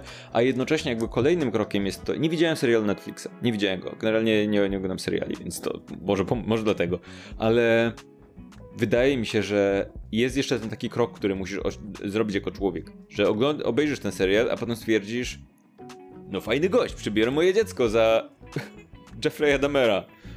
Jakby gdzieś pomiędzy tym, jakby też trzeba zwrócić uwagę na to, że ten krok istnieje i że jakby ludzie to najwyraźniej robią, albo, albo dosłownie w Polsce ktoś zrobił jakaś, jakaś osoba zrobiła makijaż na na, na to postać, na, na Demera, tak, że tam włosy, okulary, coś tam, nie? Jakby w, twojej, w twoim mózgu musi nastąpić jakby, okej, okay, jakby rozumiem, że ten serial, jakby nie wiem, jak, nie wiem jak on wygląda, tak? Rozumiem, że on może być zbyt wcześnie, być może zbyt, nie wiem, romantyzuje te ofiary, albo za bardzo, e, te, te, te, tego mordercę, albo za bardzo znaczy on się skupia wiesz, głównie na nim. To jest głównie na zarzut, nim. To jest... że to jest jakby mhm. bardzo dużo analizujemy Mm, dlaczego on taki jest i bardzo dużo analizujemy to, jak on się potem w więzieniu, nie wiem, nawrócił i ochrzcił. I prawdę powiedziawszy, kiedy oglądałam jeden odcinek, ja nie oglądałam całości tego serialu, oglądał ten serial Mateusz.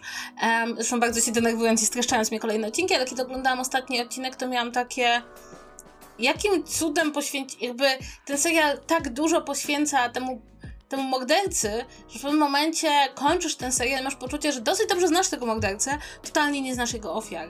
Wiesz co, I to, to, jest to ja, ja tutaj stanę troszkę, wiesz co, będę troszkę, um, będę, nie, mówię, rozmawiam teraz o serialu, którego nie widziałem, tak, ale będę, będę, będę troszkę, ale tak generalnie w kwestii generalnej koncepcji, będę trochę adwokatem diabła, bo mimo wszystko jakby Kurczę, bo to, to, to, jest dla mnie bardzo ciężki temat i nie chcę tutaj, żeby moje słowa były odebrane opatrznie, ale, ale opatrznie czy opacznie, whatever. E, ale generalnie zakładam, że jeżeli sięgasz po historię takiej postaci, to to, to co mogę powiedzieć może zabrzmieć chłodno, ale jeżeli jesteś osobą zainteresowaną, nie wiem, tymi wydarzeniami, to ważniejsze jest to, co było w głowie tego mordercy i co doprowadziło do tego, że on się stał taką osobą, a nie historia ofiar, która jest jakby, które, które w tym wszystkim, no jasne, są ofiarami, ale to, że nie analizujesz ich życia na przykład pod względem psychologii, bo po prostu byli ofiarami, nie oznacza, że oni są mniej ważni w tym wszystkim, tylko... Znaczy, ale w tym serialu wiesz, oni są nie wiem. mniej ważni. To jest, to jest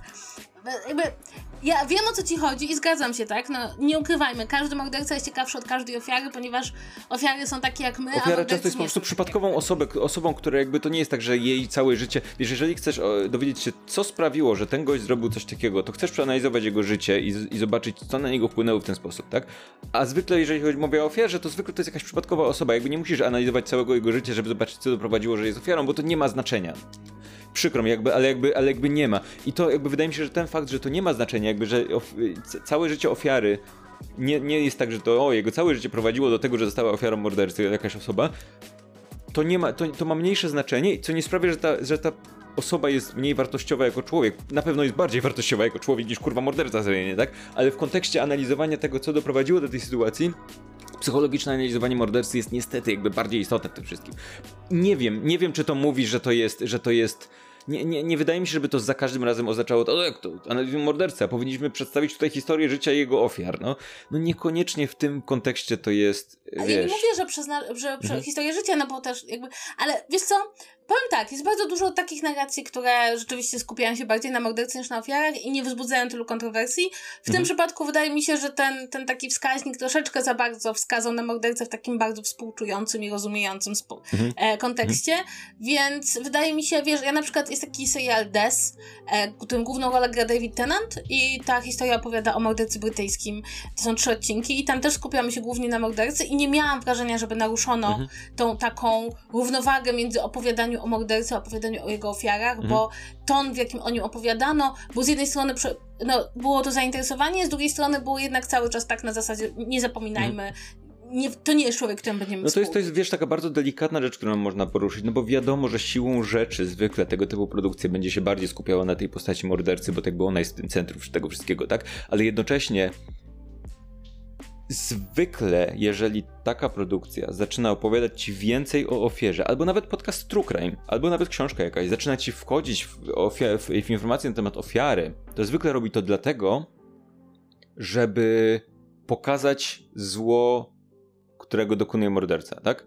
Bo jakby to zwykle nie, zwykle jeżeli czytasz albo czytasz albo książkę, albo słuchasz podcastu o morderstwie dokonanym i ten podcast czy książka zaczyna ci mocno opowiadać o historii tej ofiary, to zwykle nie dlatego, że ta historia jest ważna, tylko zwykle dlatego, że ty jako osoba, która to odbiera, y, ten, ta, ten, ten twórca chce, żebyś żeby ta ofiara stała się dla ciebie osobą, a nie po prostu kolejnym numerkiem, która jest, wiesz, na liście tego mordercy, tak?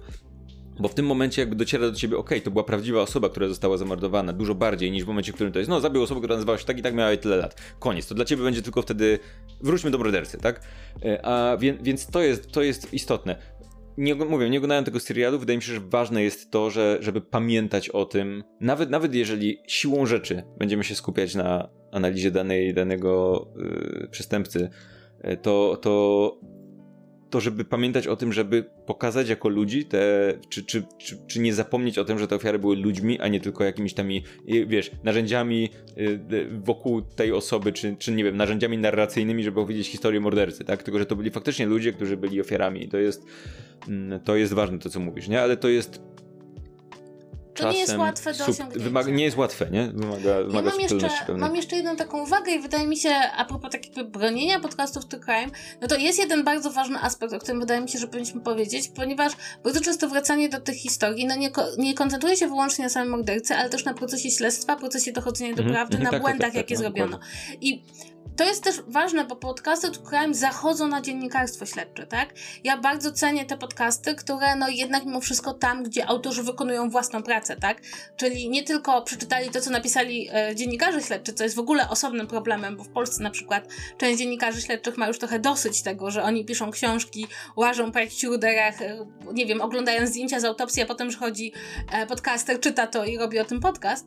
Natomiast część autentycznie e, zagląda do dokumentów, których wcześniej zaglądano, zbiera te dane, pokazuje, prawda, opowiada nam o tym, jak działał system sprawiedliwości. I to uważam za bardzo cenne, dlatego że bardzo często się okazuje, że w całej tej, jakby morderstwa bardzo często są w swoim okrucieństwie dosyć banalne, to znaczy jakby ktoś kogoś zabił, natomiast to, co się dzieje potem w tym zakresie prawnym, okazuje się mówić bardzo dużo o naszym społeczeństwie. Zwłaszcza, wydaje mi się, że w kontekście amerykańskim, no chociażby ten pierwszy sezon serial, który pokazał, jak bardzo pominięto pewne kwestie. I moim zdaniem to jest ważne, bo to nie chodzi tutaj, nie interesujemy się tym, że ktoś kogoś zabił, tylko na przykład, no nie wiem, okazuje się, że ktoś wcześniej informował policję, a policja akurat tą osobę zignorowała, czy okazuje się, prawda, że e, no nie wiem, tak jak Ted Bundy, nie? Człowiek, który jest przystojny i dobrze się prezentuje, jest elokwentny, jest kompletnie inaczej postrzegany przez społeczeństwo, w związku z tym te dochodzenia wyglądają inaczej. I powiem szczerze, że dla mnie to jest istotne, żebyśmy sobie opowiadali te historie,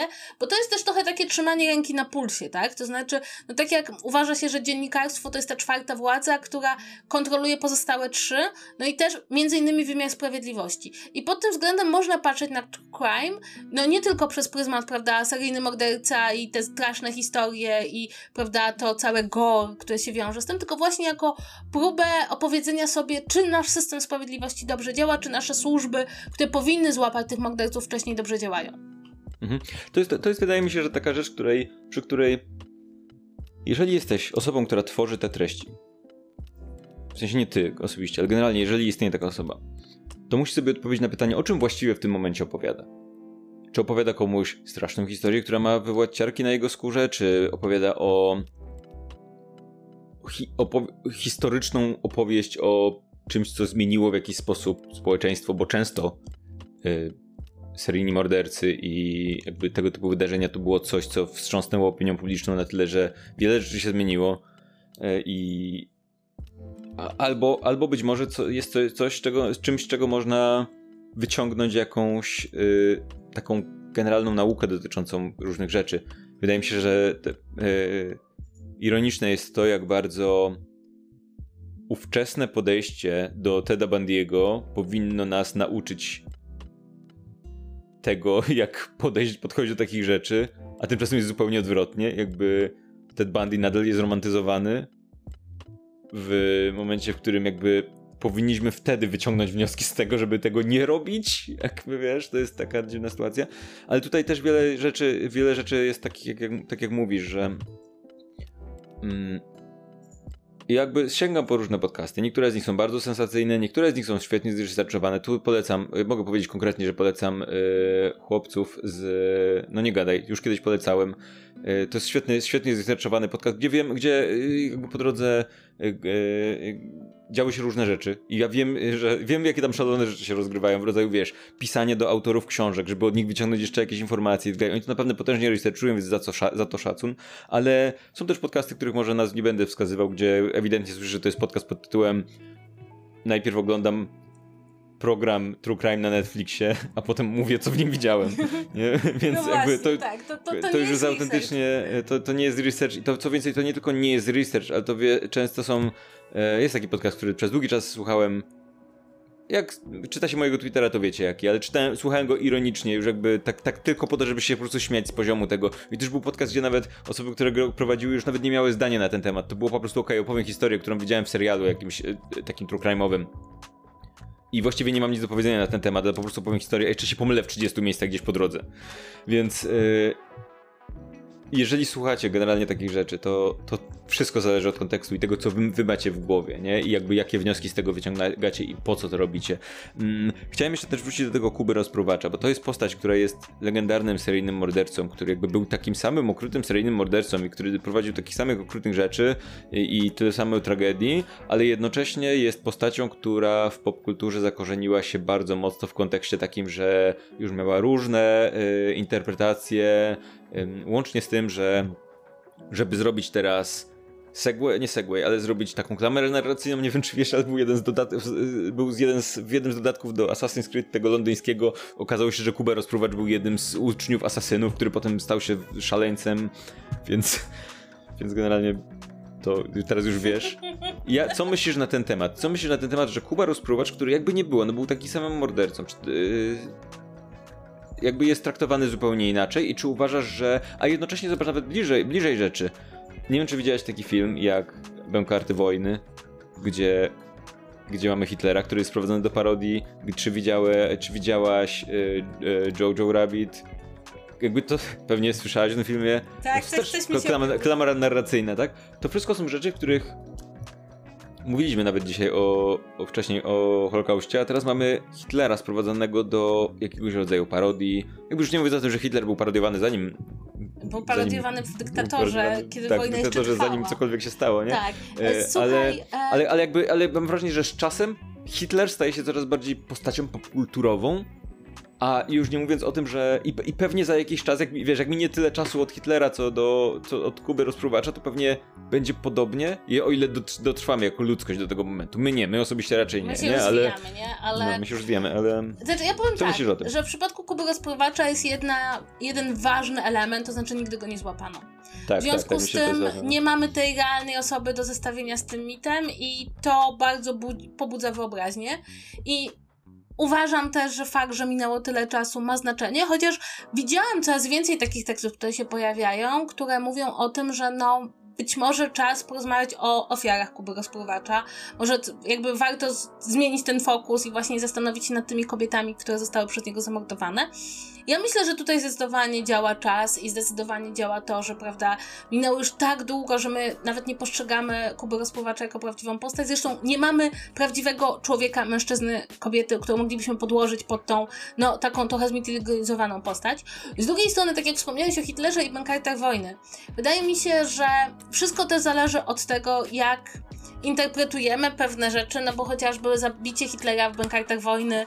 Proszę jest, za spoiler do bankartów wojny. Tak, jest dla mnie pewnym pewnym wyrazem wiary Quentina Tarantino w wszechmoc reżysera i wszechmoc kina. Znaczy, jakby dla mnie to on mówi, ponieważ ja reżyseruję ten film i ponieważ wierzę w moc kina i wierzę... To Hitler ginie. To Hitler ginie i, i w moim... Ej, Bankarty prawo... Wojny były 13 lat temu, ogarniasz tak. to? Ja nie, nie ogarniam, bo mi to jest nowy film. Wow, wow. E, i, ponie... I ponieważ e, Tarantino w tym samym filmie potrafi pokazać, że rozumie grozę i rozumie to, jak straszną rzeczą była zagłada, to dla mnie to, to ma sens. Uważam, że Tajka w Jojo Rabbit być może niekoniecznie tak dobrze to wypośrodkował. Ja mam troszeczkę za duży problem z tym, że tam są sami dobrzy Niemcy i, i trochę wydaje mi się, że widać, że on jest jednak mimo wszystko z Nowej Zelandii i to nie jest jego historia, tak? To, to jest dla niego bardzo daleka historia. Więc e, tak, natomiast no to w ogóle to jest kwestia tego, jak traktujemy postacie historyczne. Jest założenie, że ośmieszanie postaci historycznych, czy nawet dzisiaj, prawda, e, jak mamy wojnę w Ukrainie i memy z Putinem, to to ma taki wpływ na to, że ci ludzie chcieli być bardzo ważni, a my ich ośmieszamy. Więc to dobrze, to w tą stronę powinniśmy iść.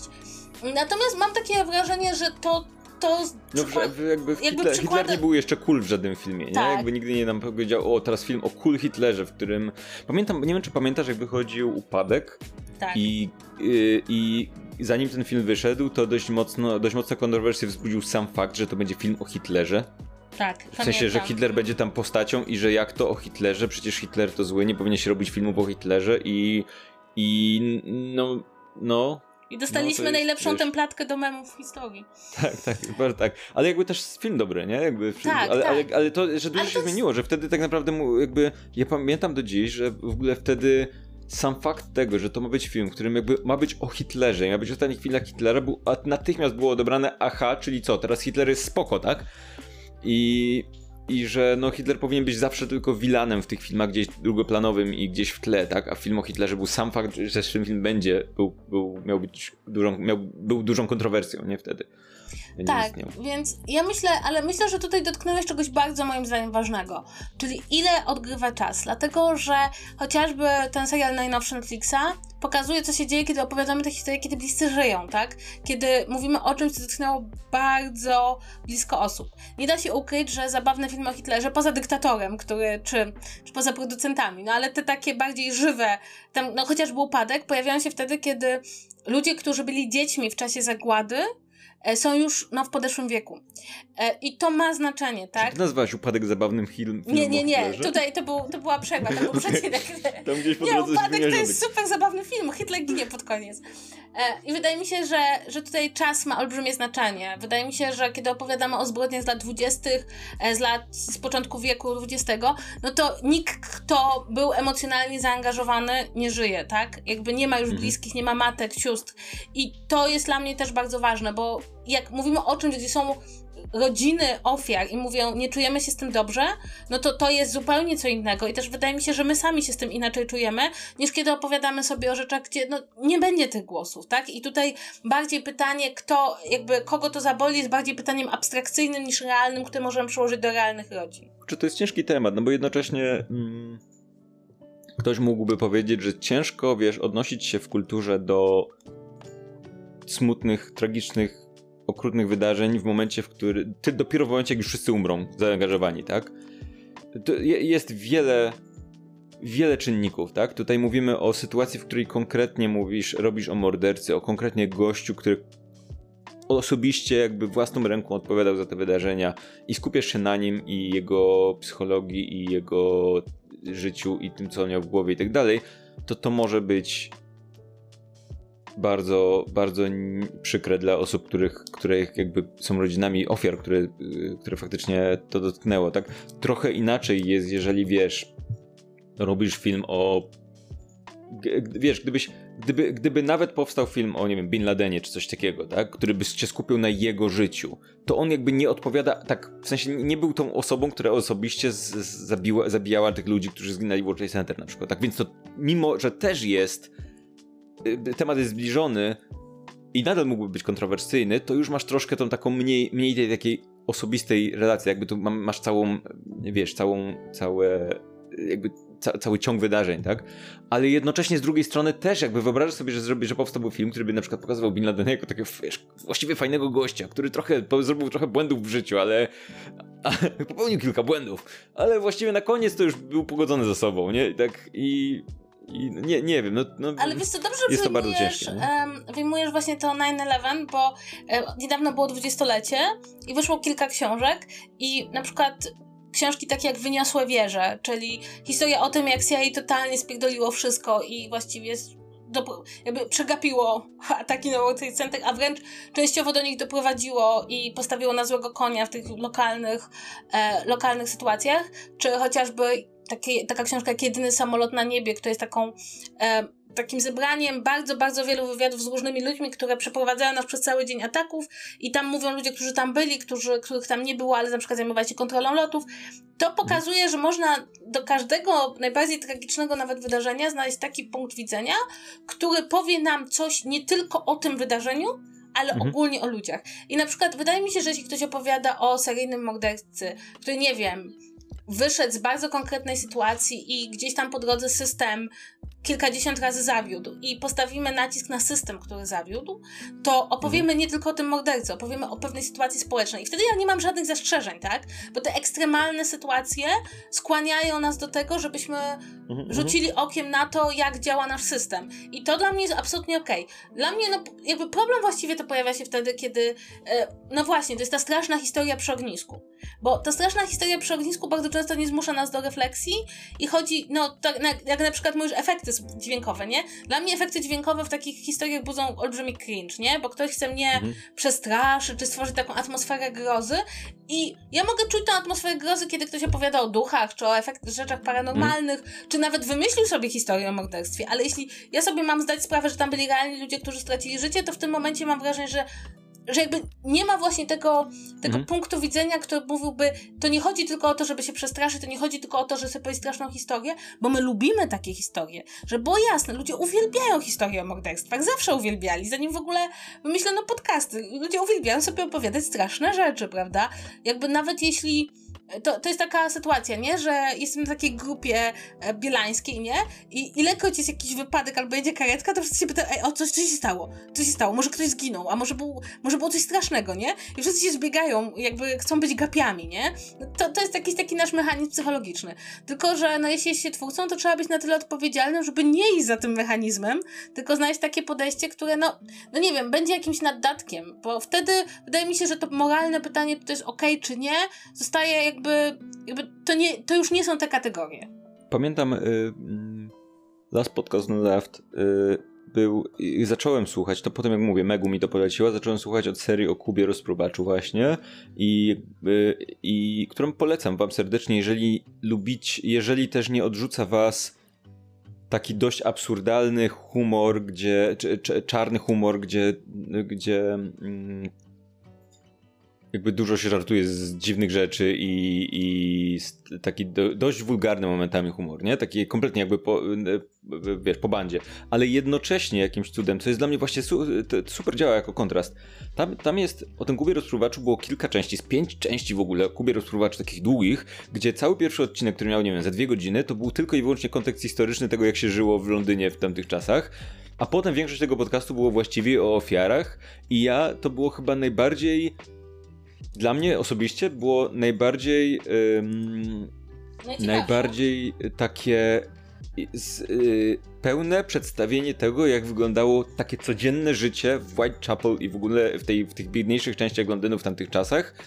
W, jakie, jakie poznałem generalnie. W sensie jakby nigdy nie, nie, nie czytałem tego, ani nie, y, nie interesowałem się powiedzmy konkretnie, wiesz, życiem w tym miejscu w tamtych czasach, nie? Y, ale ale przy okazji słuchania o Kubie rozpruwaczu, rozpruwaczu uznałem, poznałem tyle kontekstu takiego historycznego i takiego o tym, jak wyglądało wtedy życie, jak wyglądały nierówności społeczne, jak wyglądało, gdzie się spało, jakby dlaczego ci ludzie w ogóle byli w tamtym miejscu, jak wyglądała ich praca i codzienność i tak dalej, i tak dalej. Kim były te ofiary? Dlaczego były tymi ofiarami? W sensie, dlaczego, dlaczego były w takim miejscu w życiu? Co, co, konkretnie, kogo znały, gdzie mieszkały, jakby wszystko. I gdzie, że mam poczucie, że jeżeli jak w mojej głowie się pojawia Whitechapel i wiesz, czasy Kuby Rozpruwacza, to pierwsze co się w mojej głowie pojawia, to nie jest, nie jest Kuba Rozpruwacz, tylko konkretnie jak wyglądał jakby świat wtedy, w tamtym miejscu, dla tych ludzi, nie? I, i to jest prze, poprzecinane absurdalnie głupim poczuciem humoru i i rob, zmienianiem głosów, robieniem, odkrywaniem scenek z tymi ludźmi i tak dalej, takich wiesz, improwizowanych, więc generalnie y, jest to bardzo dziwny podcast, ale jednocześnie jest niesamowicie zresearchowany i bardzo taki. To, to jest właśnie dla, dla mnie, mnie to zawsze rozwala, że to jest jakby podcast, który jednocześnie ma najba... Ja, to, jakby nie, nie znam podcastu takiego true crime'owego, który miałby więcej żartów i bardziej przegiętych, ale jednocześnie nie znam chyba lepiej zresearchowanego, więc jeżeli jesteście into that, to, to polecam, ale jakby to, co mówisz, nie? Jakby dla mnie to jest to, to, ile ja się tam dowiedziałem o tym kontekście jakby historyczno-społecznym, to jest dla mnie, to była, to była ewidentnie część, której poświęcili najwięcej czasu i była dla mnie najciekawsza, nie? Czym innym byłoby tylko po prostu przedstawienie, a da się przedstawić, bo też słuchałem podcastów, które w 40 minut przedstawiły Kubę, Kubę właściwie jako wiesz, tym bardziej, że nic nie wiemy, nie, nie znamy jakby yy, tożsamości, to tym bardziej łatwo jest wpaść w takie coś, że przedstawiasz to po prostu jako straszną historię o tym tajemniczym, tym, bo to jest najłatwiej to zrobić, tak? Ale co z tego wyciągniesz? Kurwa nic, jakby jako człowiek. Nic się nie dowiesz o tym, bo nic nie wiadomo, tak?